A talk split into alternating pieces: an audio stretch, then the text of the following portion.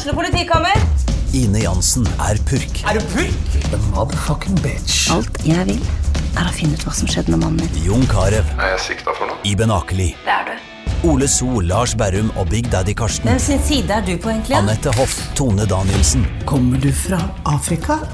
Jørnis Josef, Nesten. Kløfta. Trond Espen Seim, Det er synd å si det, men det var feil mann som døde. Purk. Premiere tirsdag på TV2 Play. Ok, hvor mye er klokka nå? Eh, stemmer det halv fem? Da er det på tide å hente ungene snart. Eh, de må bades i kveld. Så må jeg innom og handle. Nei, stemmer det. Det trenger jeg jo faktisk ikke. Det ordner jo Kaval med en gang. Åh, så digg. Med Kaval kan du få matvarer levert hjem på ti minutter. Prøv det nå og få 300 kroner rabatt på dine første kjøp med koden 'podkast'. Tenk deg at barna løper om kapp litt vel nærme det antikke speilet i gangen. Å høre på Soothing Sounds of Nature volum 3 hjelper litt. If hjelper mye. Velkommen til If forsikring.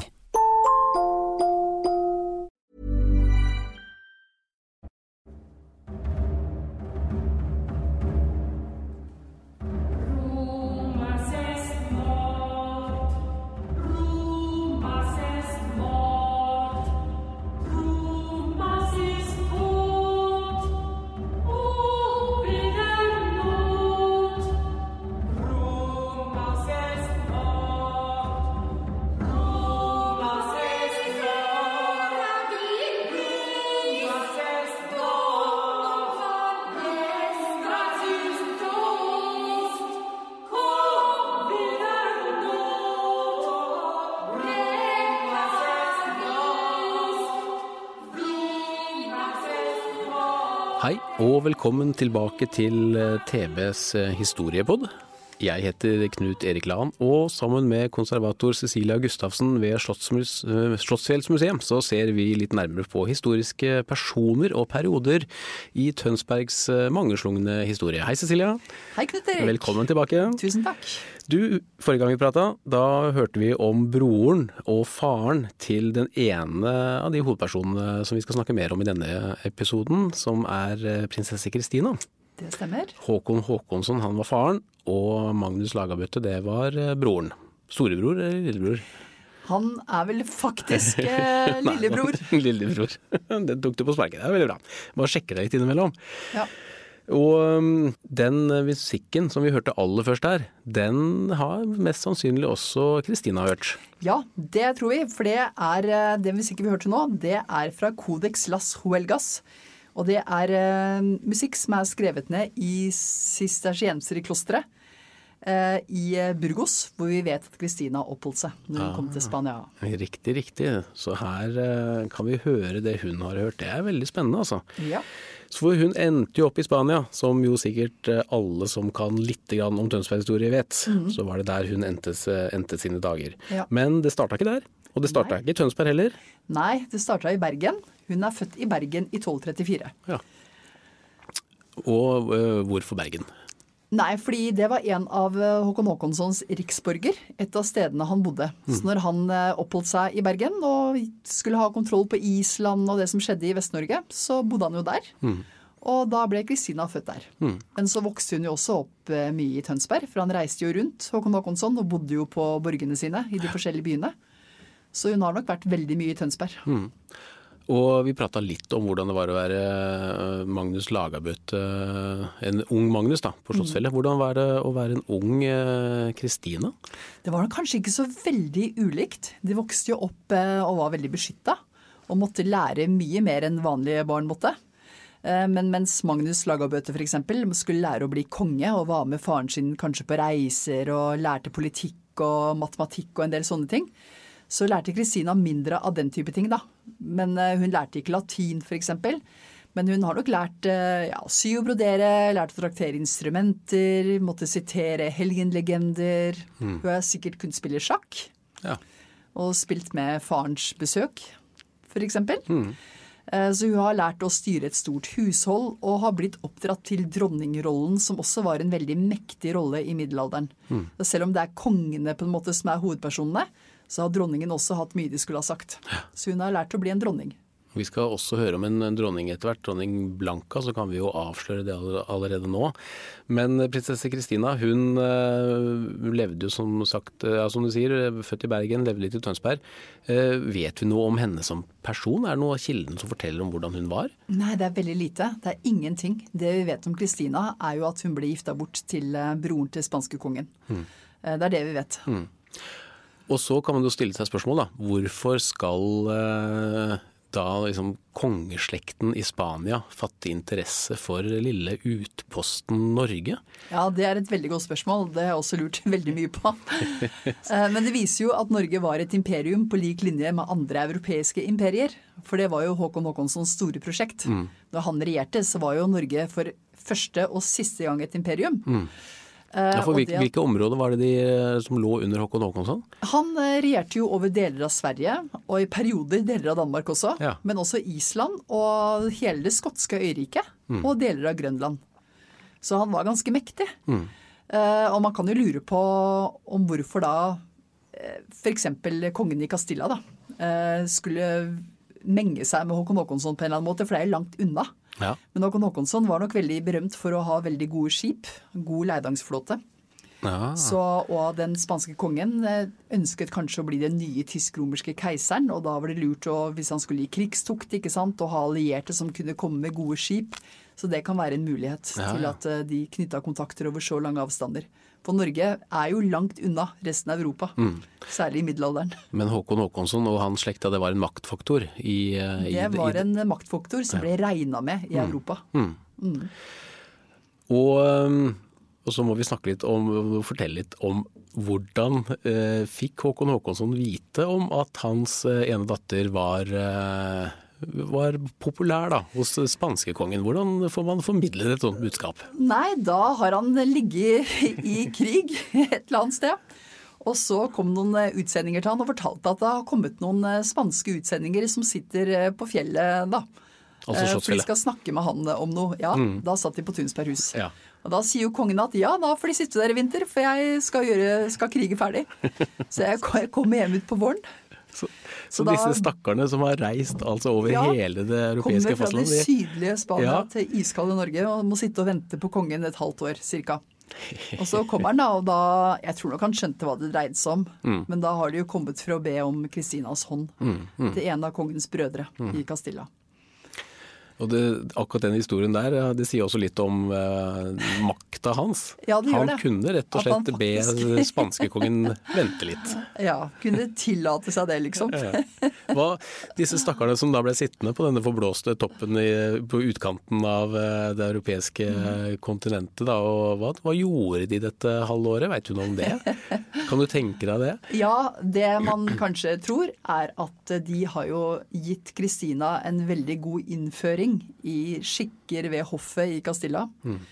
Og satt henne inn kanskje i språk, i spill. Vi vet jo at kong Alfons, eller hennes svoger, da, han utvikla jo en stor spillbok f.eks., og var veldig opptatt av musikk. Ja. Hun har nok lært, blitt godt forberedt på sin reise til Castilla av de spanske sendemennene som kom. Og da Håkon Håkåsen fant det for godt å komme tilbake igjen, ga, var det, liksom, det, var, det, var, det, var, det var ikke noe mer diskusjon om dette giftermålet, det var greit? Ja, det kan hende. Mm. Men han satt som kriterium at eh, hun skulle få velge selv da, hvem av kongens brødre hun skulle gifte seg med. Ja. Så det var ikke en sånn Når, når hun reiste for å gifte seg, så tenker man ikke at hun var en sånn forsagt eh, og liksom undertrykt liten jente som drar for å gifte seg. Hun var 25 år. Ganske gammel, egentlig, Ja. i eh, den sammenhengen. Ja. Eh, Og hun kunne jo også selv velge hvem hun skulle gifte seg med når hun kom dit. Og så må også Håkon Håkonsson ha vært helt sikker på at hun kunne representere han på en god måte. Ja. For det tok jo over to måneder å dra dit, ikke sant. Hun var jo gjennom hele Europa til fots og til hest og med skip og Og har møtt veldig mange viktige alliansepartnere av Håkon på veien.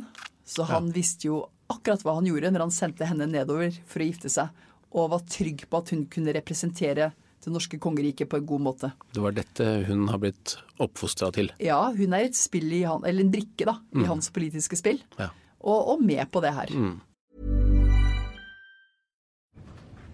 Ok, hvor mye er klokka nå? Uh, stemmer det halv fem? Da er det på tide å hente ungene snart. Uh, de må bades i kveld. Så må jeg innom og handle. Nei, stemmer det. Det trenger jeg jo faktisk ikke. Det ordner jo Kaval med en gang. Åh, så digg. Med Kaval kan du få matvarer levert hjem på ti minutter. Prøv det nå og få 300 kroner rabatt på dine første kjøp med koden 'podkast'. Tenk deg at barna løper om kapp litt vel nærme det antikke speilet i gangen. Å høre på Soothing Sounds of Nature volum 3 hjelper litt. If hjelper mye. Velkommen til If forsikring.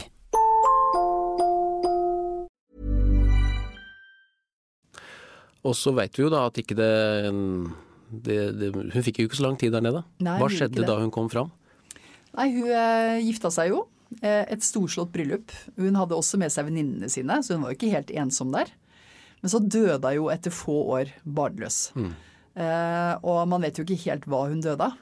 Men eh, når man da fikk åpna den her sarkofagen, som man antar er henne, da fant man en pergamentbit som var festa til det mumifiserte skjelettet. Eh, og der var det en formel mot øreverk. Som jo var en vanlig dødsårsak før. Noe så banalt. Noe så banalt Ja. Mm. for den tiden. Ja. Men, men øh, hvorfor, øh, hvorfor øh, husker vi henne så godt? Hva er det med hennes historie som, gjør, som liksom har skapt gjenklang gjennom så mange år? Ja, nei, det, har jo, det kan du jo lure på. Hun er jo også født i Bergen, så hvorfor har ikke Bergen tatt henne og trykket henne til sitt bryst? Det er det Tønsberg som har gjort. Ja, det skal vi egentlig være litt glad for det. Ja. Og det jeg tror er jo det at eh, hun ble jo gifta bort, og det skjedde jo fra Tønsberg. Og så har det vel, det er vel noe med den romantiske forestillingen om at hun døde av hjemlengsel kanskje, og det er en ung kongsdatter som blir gifta bort. Det er noe veldig sånn romantisk ved det.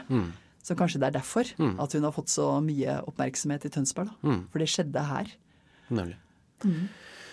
En annen sterk eh, kvinnelig historisk person fra denne tiden, det er eh, dronning Blanka. Og Ja. akkurat som prinsesse Kristina, hun har en plass oppkalt etter seg i Tønsberg. Og dronning Blanka hun har en litt sånn uunnseelig eh, gatestump, hun, sånn eh, i, eh, i Fjæringen. Ja. Som, som er oppkalt etter henne. Eh, og akkurat da, som eh, som eh, Kristina, så var ikke dronning Blanka Hun var ikke født i Tønsberg. Hun var ikke født i Norge engang. Nei, hun er født i Namur i Belgia. Eh, så mens hun blir da frakta inn til landet, så blir Kristina frakta ut, kan ja, man si. Ja, ja, ja. Hun kom fra en veldig stor og fantastisk slekt, bl.a. Fra det franske kongehuset. Så Magnus Erikssons giftermål med henne, det i 1335, det kan ha vært et ledd i, for den norske kongemakten å, å knytte bånd til Flandern og Nederland og Belgia. Akkurat som spanskekongen gjorde andre veien. Ja, nemlig. Og dette var hvor lenge etter prinsesse Kristina? Det er vel sånn ca. 50-60 år etterpå. Ja. Eh, dronning Blanka dør faktisk i eh, 1363, eh, 100 år etter Håkon Håkonsson. Så det er vi, det er, vi er jo en stund etter her. Hvorfor eh, er dronning Blanka kjent? Eh, dronning Blanka er kjent fordi eh, hun gifta seg på Tunsberghus, og fikk antageligvis Tunsberghus i morgengave. Sammen med en del andre gaver. Store gaver. Det er ikke dårlig. Nei, det er ikke dårlig. Og så er hun jo også kjent fordi det har vært en del intriger rundt henne. Hun ble jo utsatt for et sånn komplott. Hvor hun ble beskyldt for å ha tatt livet av både sønnen sin og svigerdatteren sin. Oi. Og så er hun også kanskje Hun er en interessant person fordi hun hadde jo et eget seil. Hun hadde mye makt som dronning. Eh, Og det kunne jo dronningen i middelalderen ha. Særlig enkedronningene. F.eks. noen som dronning Margrethe i Kalmarunionen og sånn. Men Blanco også styrte jo mye på vegne av kongen da han var i Sverige. For eh, hennes mann, Magnus Eriksson, er jo den første unionskongen. Så hun er nok kjent fordi hun har eh, hatt mye makt, skrevet brev, eh, gjort avtaler eh, på vegne av kongen. Og um, også fordi hun fikk Tunsberghus i morgengave, og også døde på Tunsberghus. Ja, så hun levde på Tunsberghus, det var hennes eh, sete. Ja, eh, når hun var her, men hun bodde nok kanskje mesteparten av livet sitt i Sverige. Akkurat. akkurat. Og jeg ja, fortell litt om, uh, om, om, akkurat det der som sier at hun døde på Tunsberghus. Det får deg litt av en historie, har jeg skjønt. Ja. Nei, hun døde jo på Tunsberghus som i en nedgangstid, egentlig. For hun levde jo under svartedauden. Mm -hmm. Og hun reiste jo i og med at mannen var uh, liksom konge i Sverige og Norge. Så bodde hun jo for de mesteparten av livet sitt i Sverige. Mm. Men så ble jo han avsatt som svensk konge. Og da ble både hun og mannen utsatt for et ganske kraftig altså sladder og komplott. Og, og en som var hofftjenerinne hos dronning Blanka, det er jo Birgitta av Adstena, som er Sveriges skytshelgen. Ja. Og som har helgenstatus. Mm. Hun var jo ikke spesielt snill mot Blanka. Hun mente jo at alle skulle leve veldig asketisk og sånn. Og så syns hun nok at Blanka og mannen var veldig jålete. Brukte mye penger, mm. ødsla, levde et liv i luksus. Så de ble utsatt for rykter, og ja, de fikk mye beskyldninger ja, mot seg. De fikk rett og slett en helgen på nakken? Ja, rett og slett en helgen på nakken. og vet du hvordan hun døde, da? Nei, hun ble syk. Mm. Hun døde bare 43 år. Og hun hadde hjemme så hadde hun en krukke med teriak, som er en sånn slags motgift. Eh, og når hun døde, så var det heller ikke så veldig stor velstand. Det var ganske fattigslig i Norge på den tida. Mm. Så vi har jo faktisk hennes fatebur har vi jo skriftlig, og det er veldig morsomt. Det er hennes, etter, ja, hennes etterlatenskaper. Aha. Det fins en lang eh, nedtegnelse på. Ja. Og da er det for eksempel eh, det er et hvitt stykke baldakin, det er ett stykke blå fløyel, det er en alterduk med en bord. Det er et par velbrukte bordduker. Ja. Et par velbrukte linlaken som ofte har vært i seng, står det. Eh, det er tre smaragder i et lite skrin. Og et pund kryddernellik, blant annet.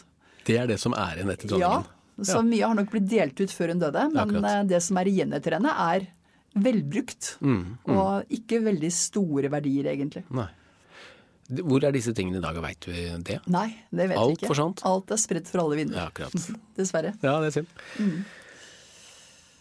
Det var prinsesse Kristina og dronning Blanka. Vi eh, forlater med det middelalderen, og i neste episode av Historiepodden så skal vi til renessansen, og da skal vi høre om eh, Anders Madsen. Men eh, det blir neste gang. Men du er selvfølgelig med oss da også, du Cecilia? Det er jeg. Takk for det. Veldig bra, takk skal du ha.